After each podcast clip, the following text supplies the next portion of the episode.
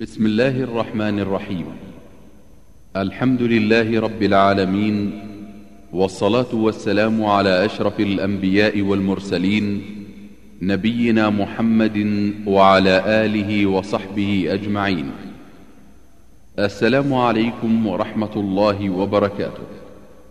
أما بعد فيسر مؤسسة أسمع للإنتاج الإعلامي والتوزيع وبالتعاون مع تسجيلات البردين أن يقدم لكم سلسلة الدروس العلمية. لسماحة العلامة الشيخ عبد العزيز بن عبد الله بن باز رحمه الله تعالى. الإصدار السادس والعشرون. وهذا الإصدار يحتوي على شرح كتاب تفسير القرآن العظيم للإمام أبي الفداء الحافظ ابن كثير الدمشقي رحمه الله تعالى. تفسير سورة الحجرات. بداية الشريط الأول. بسم الله الرحمن الرحيم. الحمد لله رب العالمين والصلاة والسلام على أشرف الأنبياء والمرسلين. نبينا محمد وعلى آله وأصحابه أجمعين. قال الحافظ الكثير رحمه الله في, في تفسير سورة الحجرات. بسم الله الرحمن الرحيم. يا أيها الذين آمنوا لا تقدموا بين يدي الله ورسوله واتقوا الله إن الله سميع عليم.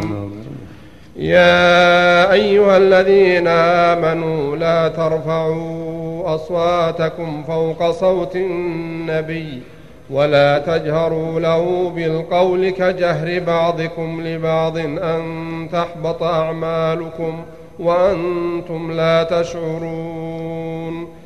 إن الذين يغضون أصواتهم عند رسول الله أولئك الذين امتحن الله قلوبهم للتقوى لهم مغفرة وأجر عظيم. هذه آيات أدب الله تعالى بها عباده المؤمنين فيما يعاملون به الرسول صلى الله عليه وسلم من التوقير والإحترام والتبجيل والإعظام. وقال تبارك وتعالى يا أيها الذين آمنوا لا تقدموا بين يدي الله ورسوله أي لا تسرعوا في الأشياء بين يديه أي قبله في الأشياء بين يديه أي قبله بل كونوا تبعا له في جميع الأمور حتى يدخل في عموم هذه في عموم هذا الأدب الشرعي. حديث معاذ رضي الله عنه حيث قال له النبي صلى الله عليه وسلم حين بعثه إلى اليمن بم تحكم؟ قال بكتاب الله تعالى قال صلى الله عليه وسلم فإن لم تجد؟ قال بسنة رسول الله صلى الله عليه وسلم قال صلى الله عليه وسلم فإن لم تجد قال رضي الله عنه أجتهد رأيي. فضرب في صدره وقال الحمد لله الذي وفق رسول رسول الله صلى الله عليه وسلم لما يرضي رسول الله صلى الله عليه وسلم.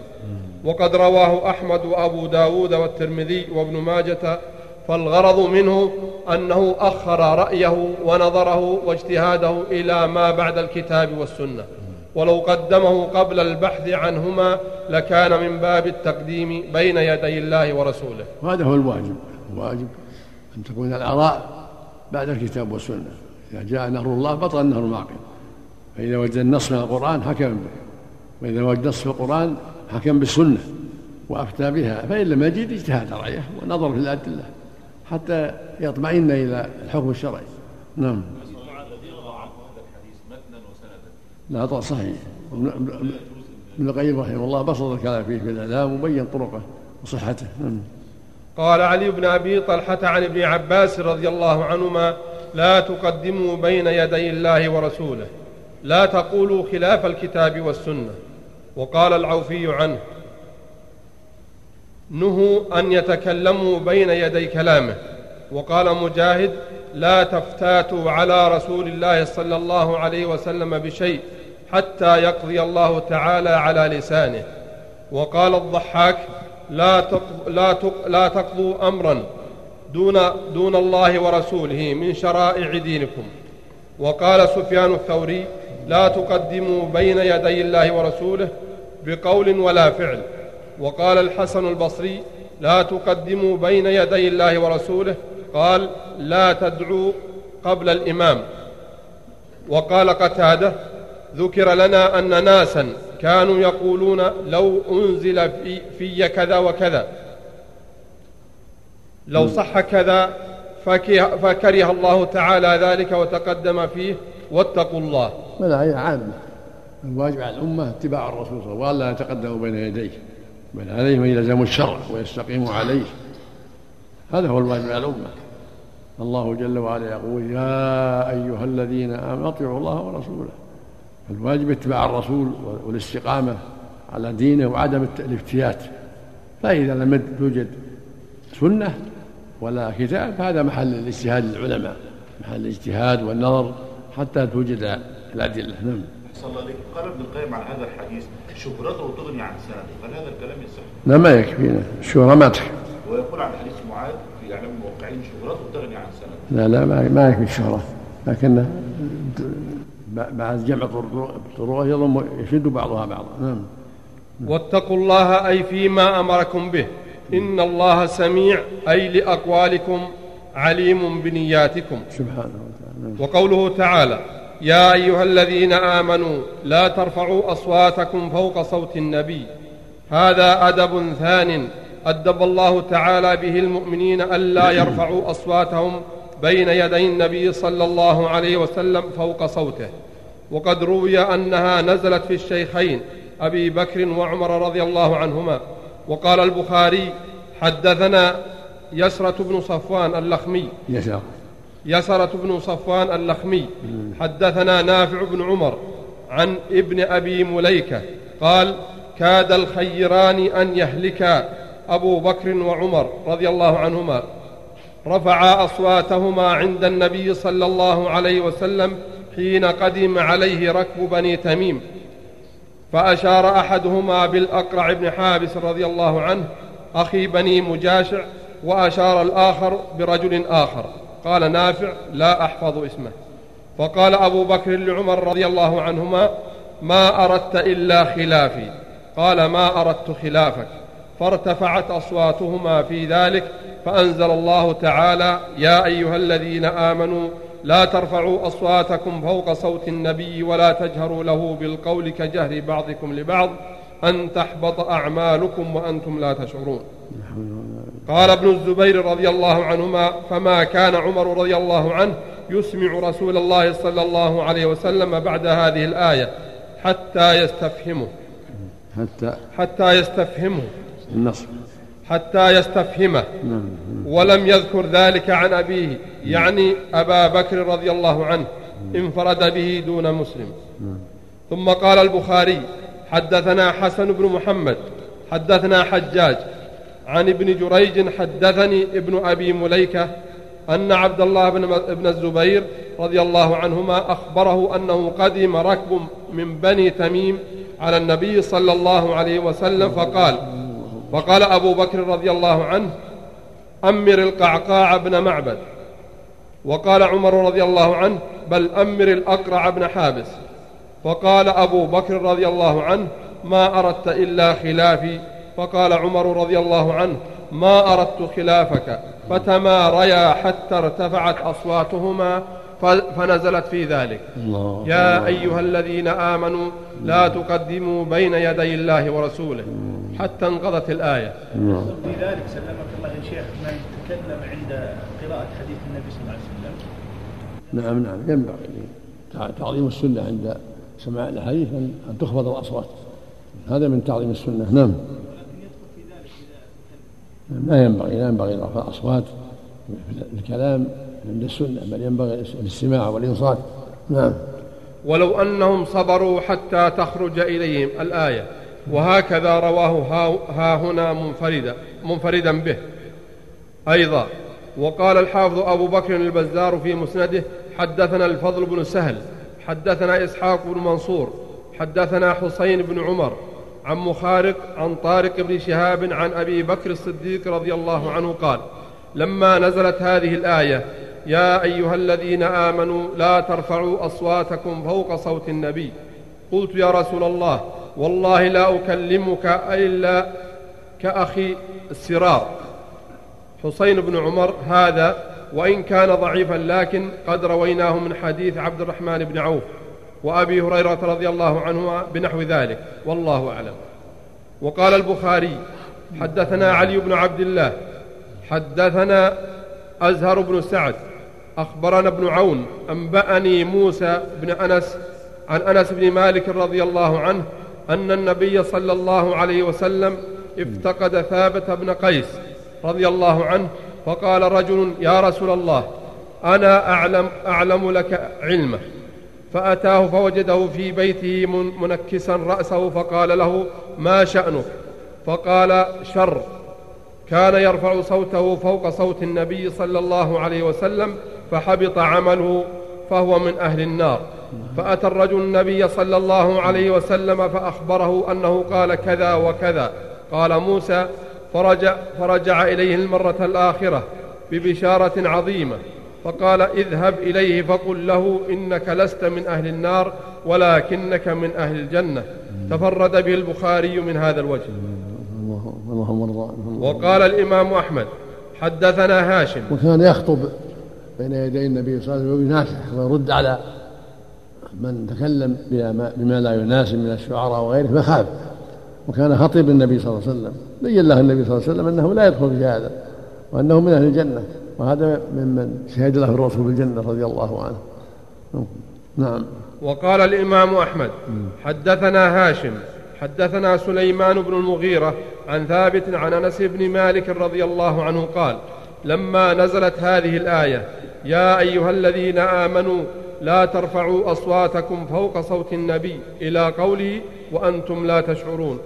وكان ثابت بن قيس بن, الشم بن الشماس رفيع الصوت فقال أنا الذي كنت أرفع صوتي على رسول الله صلى الله عليه وسلم.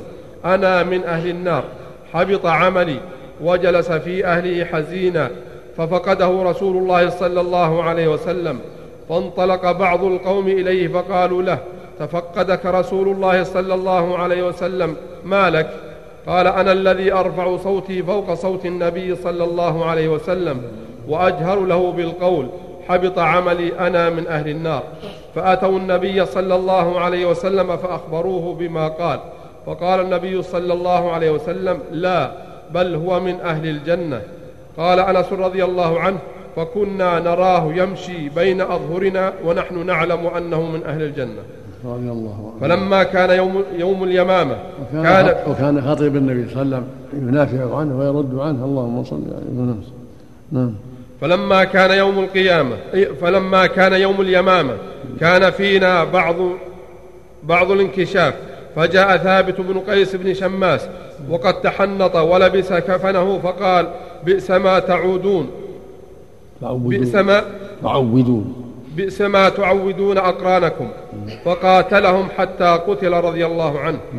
وقال مسلم حدثنا أبو بكر بن أبي شيبة حدثنا الحسن بن موسى حدثنا حماد بن سلمة عن ثابت البناني عن أنس بن مالك رضي الله عنه قال لما نزلت هذه الآية يا أيها الذين آمنوا لا ترفعوا أصواتكم فوق صوت النبي إلى آخر الآية. جلس ثابت رضي الله عنه في بيته. قال أنا من أهل النار واحتبس عن النبي صلى الله عليه وسلم. وقال النبي صلى الله عليه وسلم لسعد بن معاذ يا أبا عمرو ما شأن ثابت؟ اشتكى. فقال سعد رضي الله عنه إنه لجاري وما علمت له بشكوى. قال فأتاه سعد رضي الله عنه فذكر له قول رسول الله صلى الله عليه وسلم فقال ثابت رضي الله عنه أنزلت هذه الآية ولقد علمتم أني من أرفعكم صوتا على رسول الله صلى الله عليه وسلم فأنا من أهل النار. فذكر ذلك سعد رضي الله عنه, رضي الله عنه للنبي صلى الله عليه وسلم فقال رسول الله صلى الله عليه وسلم بل هو من أهل الجنة. ثم رواه مسلم عن أحمد بن سعيد الدارمي عن حيان بن هلال عن سليمان بن المغيرة به قال ولم يذكر, ولم يذكر سعد. ثم رواه مسلم. نعم ثم رواه مسلم عن أحمد بن سعيد الدارمي. أحمد نعم. عن أحمد بن سعيد الدارمي عن حيان بن هلال. حبان حبان. بال- بالموحدة. نعم. بالموحدة حبان بن هلال نعم. حبان. عن حبان بن هلال عن سليمان بن المغيرة به. قال ولم يذكر سعد بن معاذ رضي الله عنه. وقد وعن قطن بن بشير عن جعفر بن سليمان عن ثابت عن أنس رضي الله عنه بنحوه. وقال ليس فيه ذكر سعد. ليس فيه ذكر سعد بن معاذ رضي الله عنه. حدثني هدبة بن عبد الأعلى الأسدي. حدثنا المعتمر بن. سليمان. كذا عندكم هدبة. عندكم بالباء ولا بالياء هدبة هدبة بن بن عبد الأعلى الأسدي إيش؟ قريب بن عبد الأعلى ها؟ قريب بن عبد الأعلى إيش عندك أنت يا إيش عندك يا أحمد؟ حدثني هدبة بن عبد الأعلى الأسدي من من هو من هو البزار؟ من هو من؟ وقال ليس آه اللي قبله؟ وعن قطن بن بشير. عن- قال وقال من؟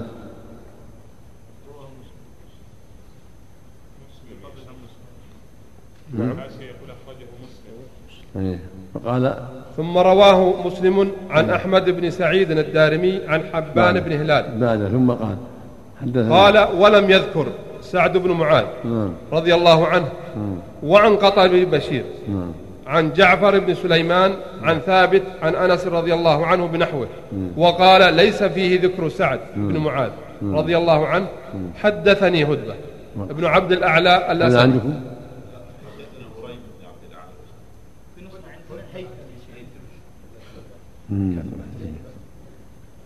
في هذا في مسلم. وراجع مسلم حط عليه إشارة. حط على هدبة نسخة هيثم هيثم ونسخة. عندكم؟ هريم يراجع مسلم. أحسن الله إليك. يراجع مسلم. الذي قبل هذا قطن بن ولا نسير؟ الذي قبل هذا.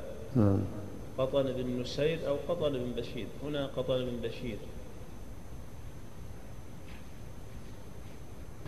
يعرف بعض إنه قطن من نسير بالنون والسين إيش عندكم؟ قبله؟ نعم. قطن بن بشير لا المعروف إنه بن نسير. بن نسير. الشعب نسير نعم.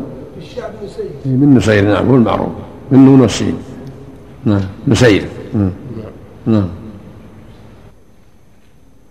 حدثنا المعتمر بن سليمان سمعت أبي يذكر عن أنس رضي الله عنه قال لما نزلت هذه الآية. هيثم بن عبد الأعلى يقول هيثم بن عبد الأعلى. ها؟ أسدي؟ شو التقييد؟ إيش عندك؟ بن عبد الاعلى بن فرات الأسدي وحمد البصري في فتح العاشر هريم كذا عندك؟ عندك هيثم؟ قبله ولا بعده؟ في هيثم؟ قبله هي- هيثم. هريم هريم وهيثم بعده الياء بعده. هيثم بعده الياء. ما عندك إلا بره هريم عندك التقريب هريم من التقريب. هريم واللي واللي في خلاصة. هريم اللي في موجود أخوي نعم من الخلاصه هريم؟ ساقط بارك الله فيك. في هرم؟ يص- يصلى عندك هريم. نعم. هريم بن عبد الأعلى نعم. هريم؟ من هريم. والله والياء نعم. نعم. قريب قريب نعم. نعم. حدثنا قال لما نزلت. نعم. حدثنا المعتمر بن سليمان سمعت أبي يذكر عن أنس رضي الله عنه قال لما نزلت هذه الآية فاقتص الحديث ولم يذكر سعد بن معاذ رضي الله عنه وزاد فكنا نراه يمشي بين أظهرنا رجل من أهل الجنة. وهذه الطرق الثلاثة الثلاث معللة لرواية حماد بن سلمة فيما تفرد به من ذكر سعد بن معاذ رضي الله عنه والصحيح أن حال نزول هذه الآية لم يكن سعد بن معاذ رضي الله عنه موجودا لأنه كان قد مات بعد بني قريظة بأيام قلائل. يوم الأحزاب نعم. سنة خمس. وهذه الآية نزلت في وفد بني تميم والوفود إنما تواتروا في سنة تسع من الهجرة والله أعلم. نعم. ماشي. وقال ابن جرير. نعم. وقال ابن جرير حدثنا أبو كريب. تبع له وقال ابن جرير سم. اللهم صل رحمه الله سم. إتهام النفس في فعله رضي الله عنه. نعم فعله رضي الله عنه وقد منها إتهام النفس واحتقارها جواز ذلك. ينبغي المؤمن يتهم نفسه ويحتقرها حتى يشمر يعني عن سعادة الدين حتى يعمل. لا يرفع نفسه ويزكيها بل ينبغي له يحتقرها حتى يشمر حتى يجتهد في الخير. نعم. نعم. خاف. وقال ابن جرير حدثنا أبو كريب حدثنا زيد بن الحباب حدثنا أبو ثابت بن ثابت بن قيس بن شماس حدثني عمي إسماعيل بن محمد بن ثابت بن قيس بن شماس عن أبيه رضي الله عنه قال لما نزلت هذه الآية لا ترفعوا أصواتكم فوق صوت النبي ولا تجهروا له بالقول قال قعد ثابت بن قيس رضي الله عنه في الطريق يبكي. قال فمر به عاصم بن عدي من بني العجلان فقال ما يبكيك يا, يا ثابت؟ قال هذه الآية أتخوف أن تكون نزلت في وأنا صيت رفيع الصوت. قال فمضى عاصم بن عدي رضي الله عنه إلى رسول الله صلى الله عليه وسلم. قال وغلبه البكاء فأتى امرأته جميلة ابنة عبد الله بن أبي ابن أبي بن سلول.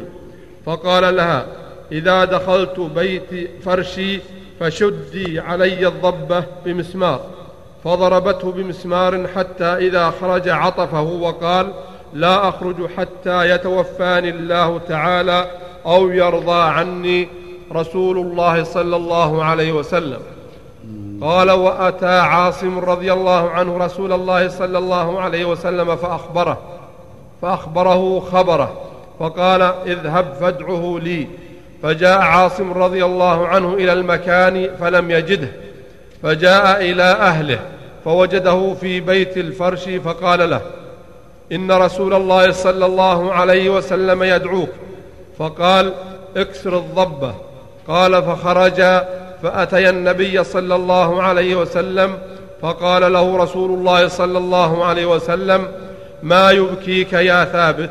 فقال رضي الله عنه أنا صيت وأتخوف, وأتخوف أن تكون هذه الآية نزلت في. لا ترفعوا أصواتكم فوق صوت النبي ولا تجهروا له بالقول.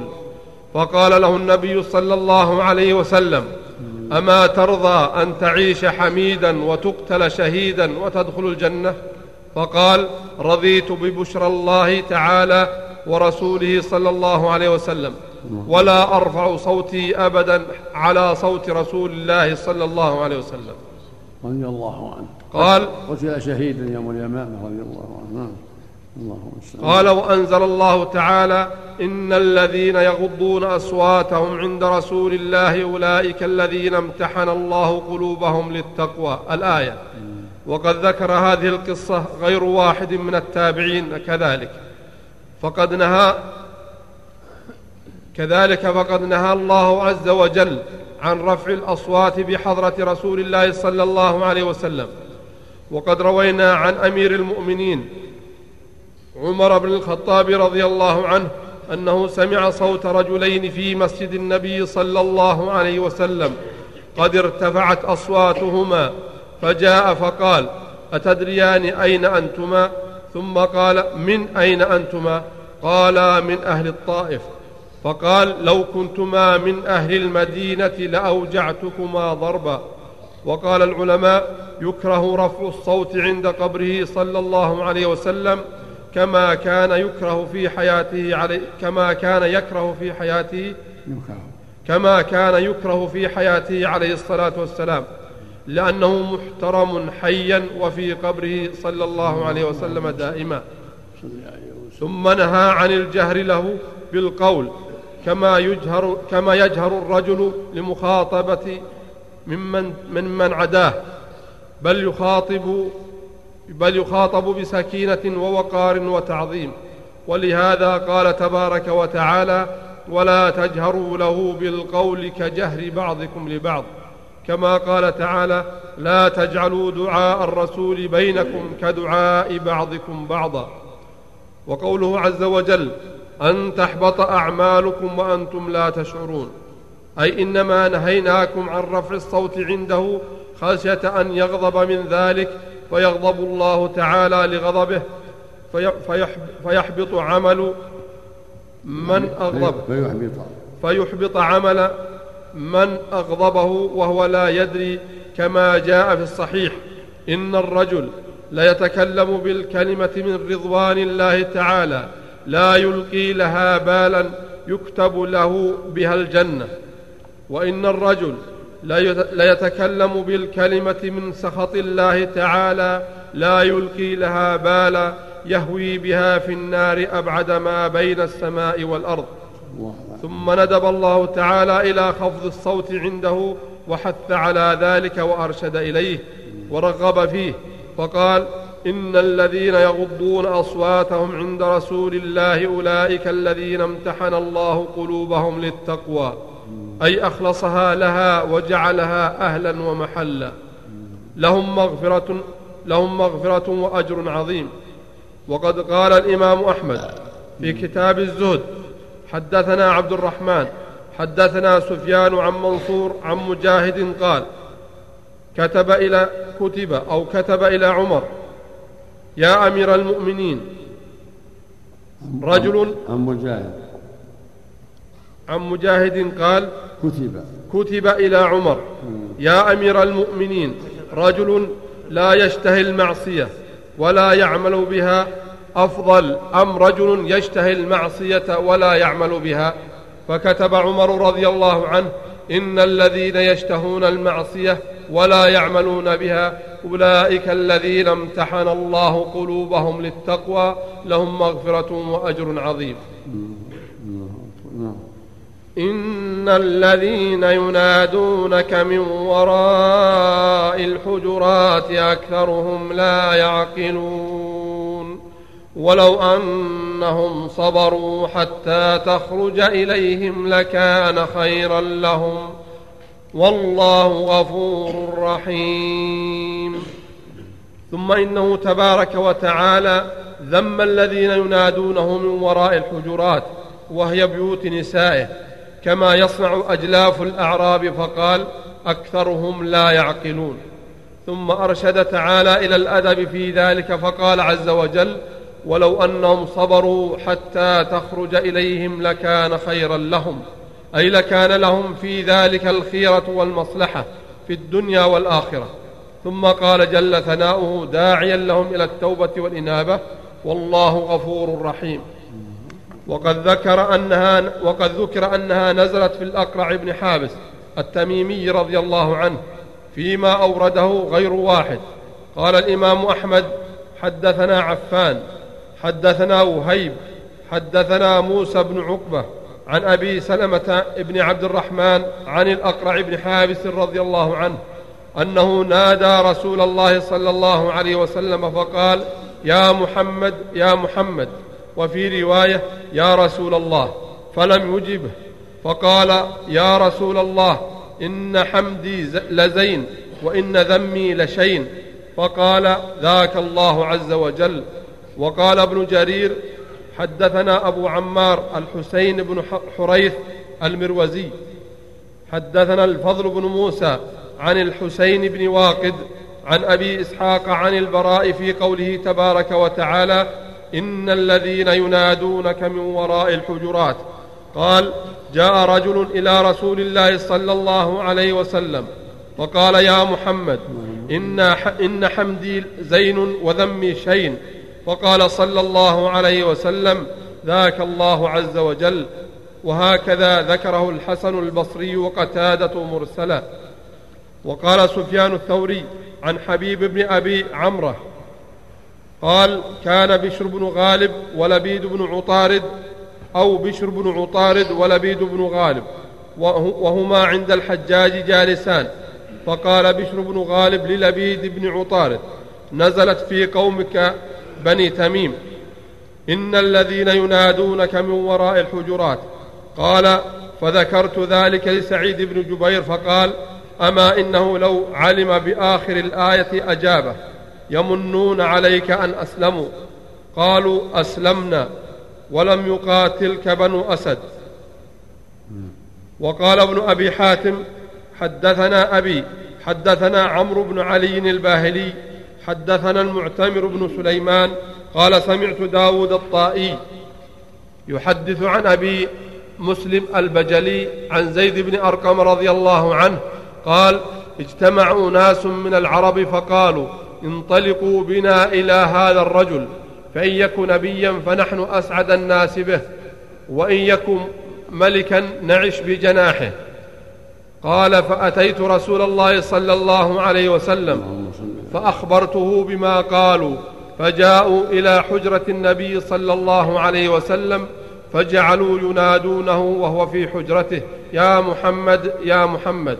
فأنزل الله تعالى إن الذين ينادونك من وراء الحجرات أكثرهم لا يعقلون. قال فأخذ رسول الله صلى الله عليه وسلم بأذن بأذني فمدها فجعل يقول لقد صدق الله تعالى قولك. يا زيد لقد صدق الله تعالى لقد صدق الله صدق الله قولك يا زيد. ورواه ابن جرير عن الحسن. إيش إيش؟ لقد صدق الله. فأخذ رسول الله صلى الله عليه وسلم بأذني فمدها فجعل يقول لقد صدق الله تعالى قولك يا زيد. لقد صدق الله قولك يا زيد. ورواه ابن جرير. آه نعم. فجعلوا ينادونه وهو في حجرته. يا محمد يا محمد. فأنزل الله تعالى إن الذين ينادونك من وراء الحجرات أكثرهم لا يعقلون. قال فأخذ رسول الله صلى الله عليه وسلم بأذني قبل قبل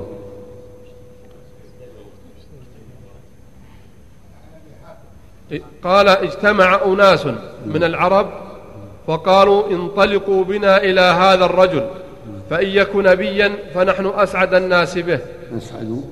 أسعد الناس به وإن يك ملكا نع- نعش بجناحه. قال فأتيت رسول الله صلى الله عليه وسلم فأخبرته بما قالوا فجاءوا إلى حجرة النبي صلى الله عليه وسلم فجعلوا ينادونه وهو في حجرته يا محمد يا محمد. فأنزل الله تعالى إن الذين ينادونك من وراء الحجرات أكثرهم لا يعقلون. قال فأخذ رسول الله صلى الله عليه وسلم وسلم بأذني فمدها أو بأذني. بأذني. فمدها فجعل يقول لقد صدق الله تعالى قولك يا زيد. لقد صدق الله قولك يا زيد. ورواه ابن جرير عن الحسن بن عرفة عن المعتمر بن سليمان به. نعم. يا أيها الذين آمنوا إن جاءكم فاسق بنبأ فتبينوا أن تصيبوا قوما بجهالة أن تصيبوا قوما بجهالة فتصبحوا على ما فعلتم نادمين. وهذا من طبع الأعراب من طبع الأعراب الجهل سوء الأدب إلا من تعلم وتبصر. نعم. ولهذا بين الله جل وعلا قال أكثرهم لا يعقلون لقلة العلم والبصيرة. نعم. أحسن الله. في قول عمر بارك الله فيكم. لو كنتما من أهل المدينة لوجدتكم اضر اجتهادا منه رضي الله عنه لأن أهل المدينة قد تعلموا وتبصروا وما هو الجهال كانوا من الطائف جهال.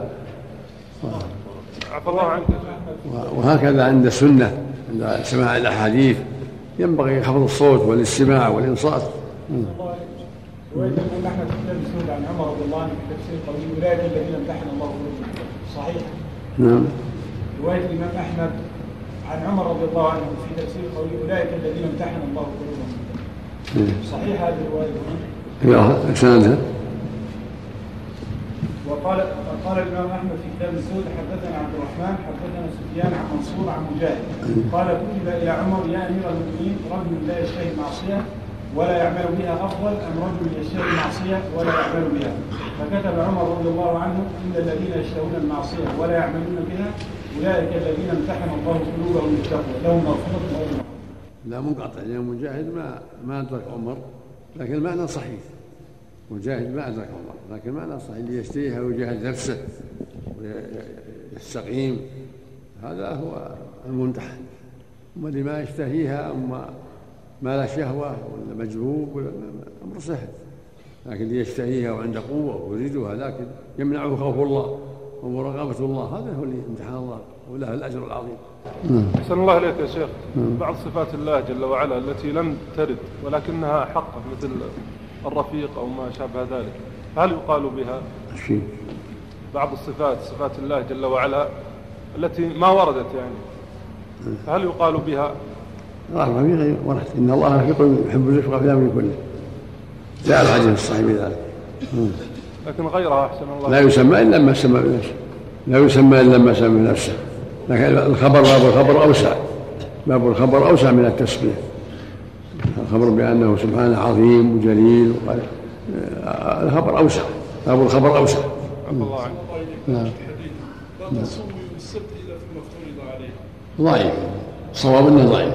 يا أيها الذين آمنوا إن جاءكم فاسق بنبأ فتبينوا فتبينوا أن تصيبوا قوما بجهالة فتصبحوا على ما فعلتم نادمين.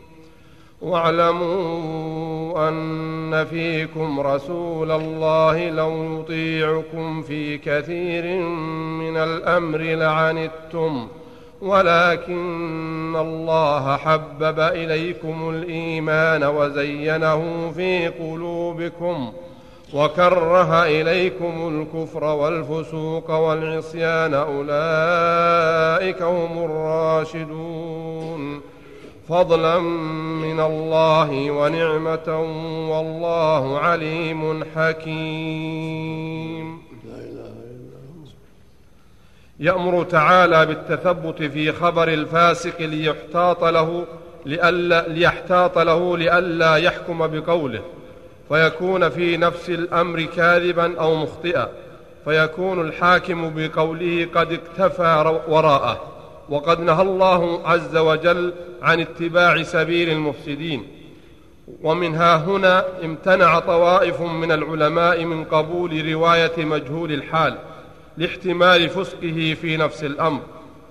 وقبلها آخرون لأن إنما أمرنا بالتثبت لأن إنما أمرنا بالتثبت عند خبر الفاسق.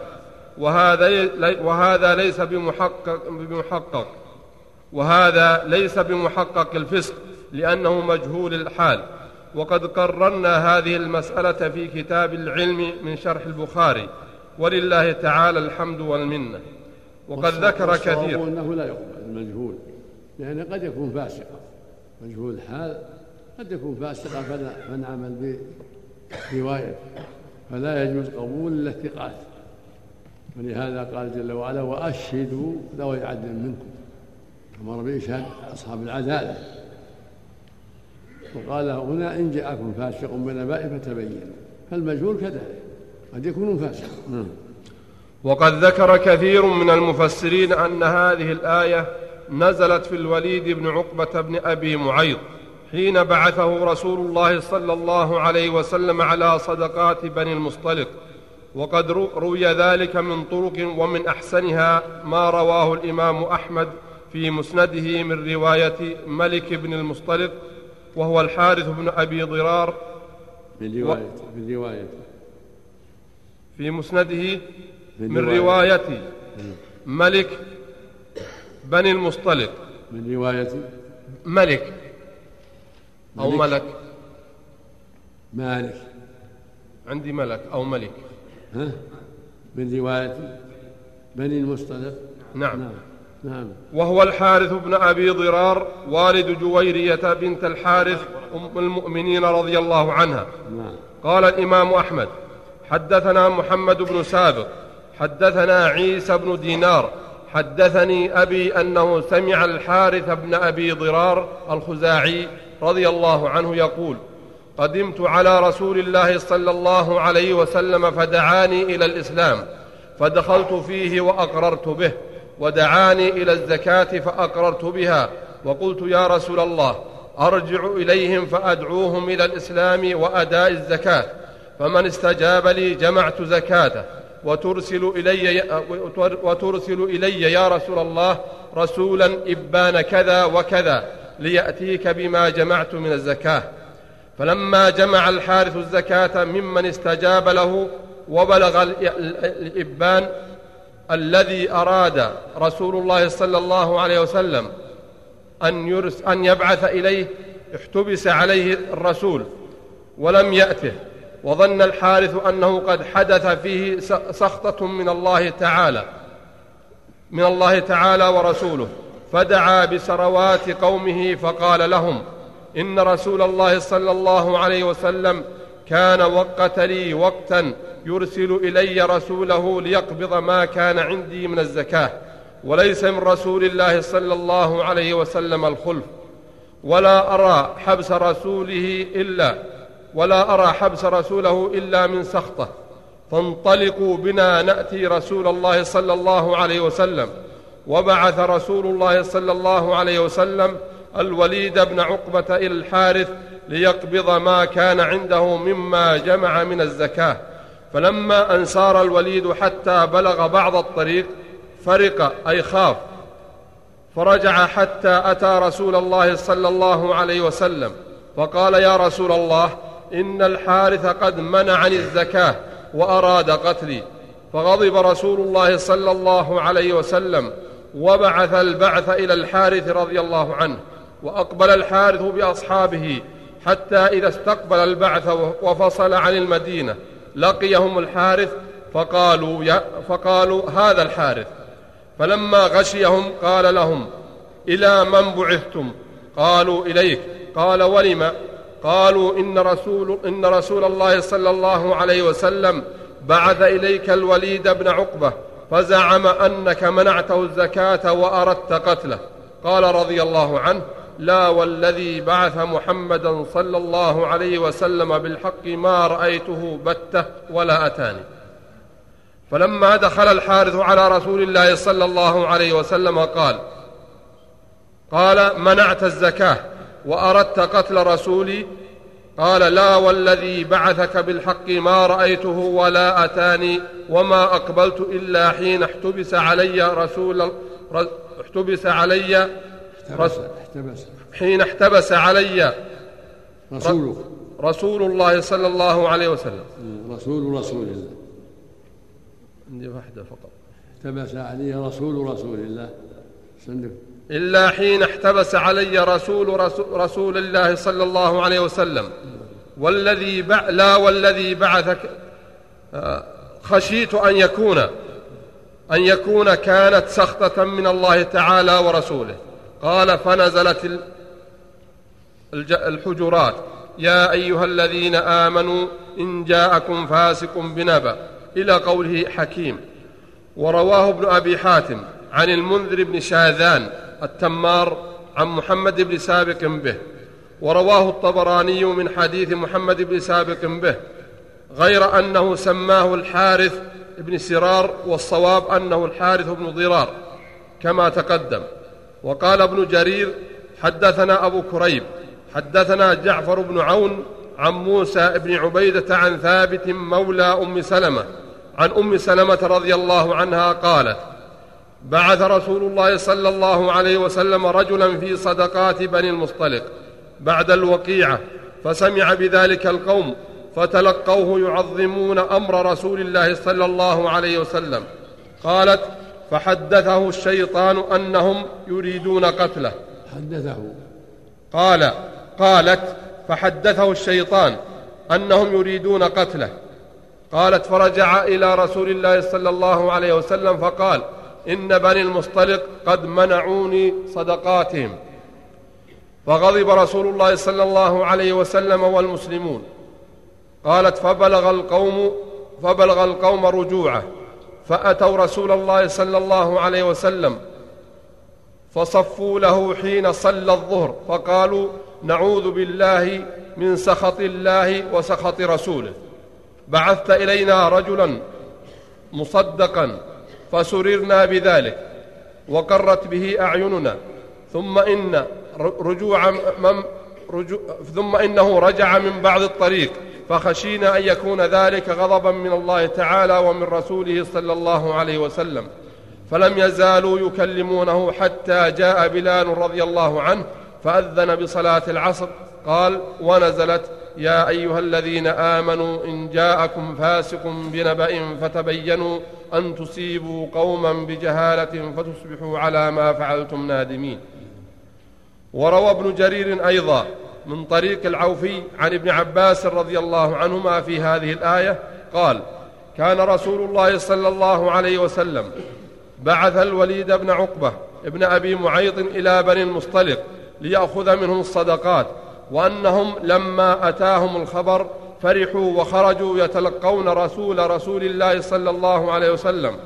وأنه لما حدث الوليد أنهم خرجوا وأنه, وأنه لما حدث الوليد أنهم خرجوا يتلقونه رجع. لما, لما, لما حدث الوليد أنهم خرجوا لما أخبر.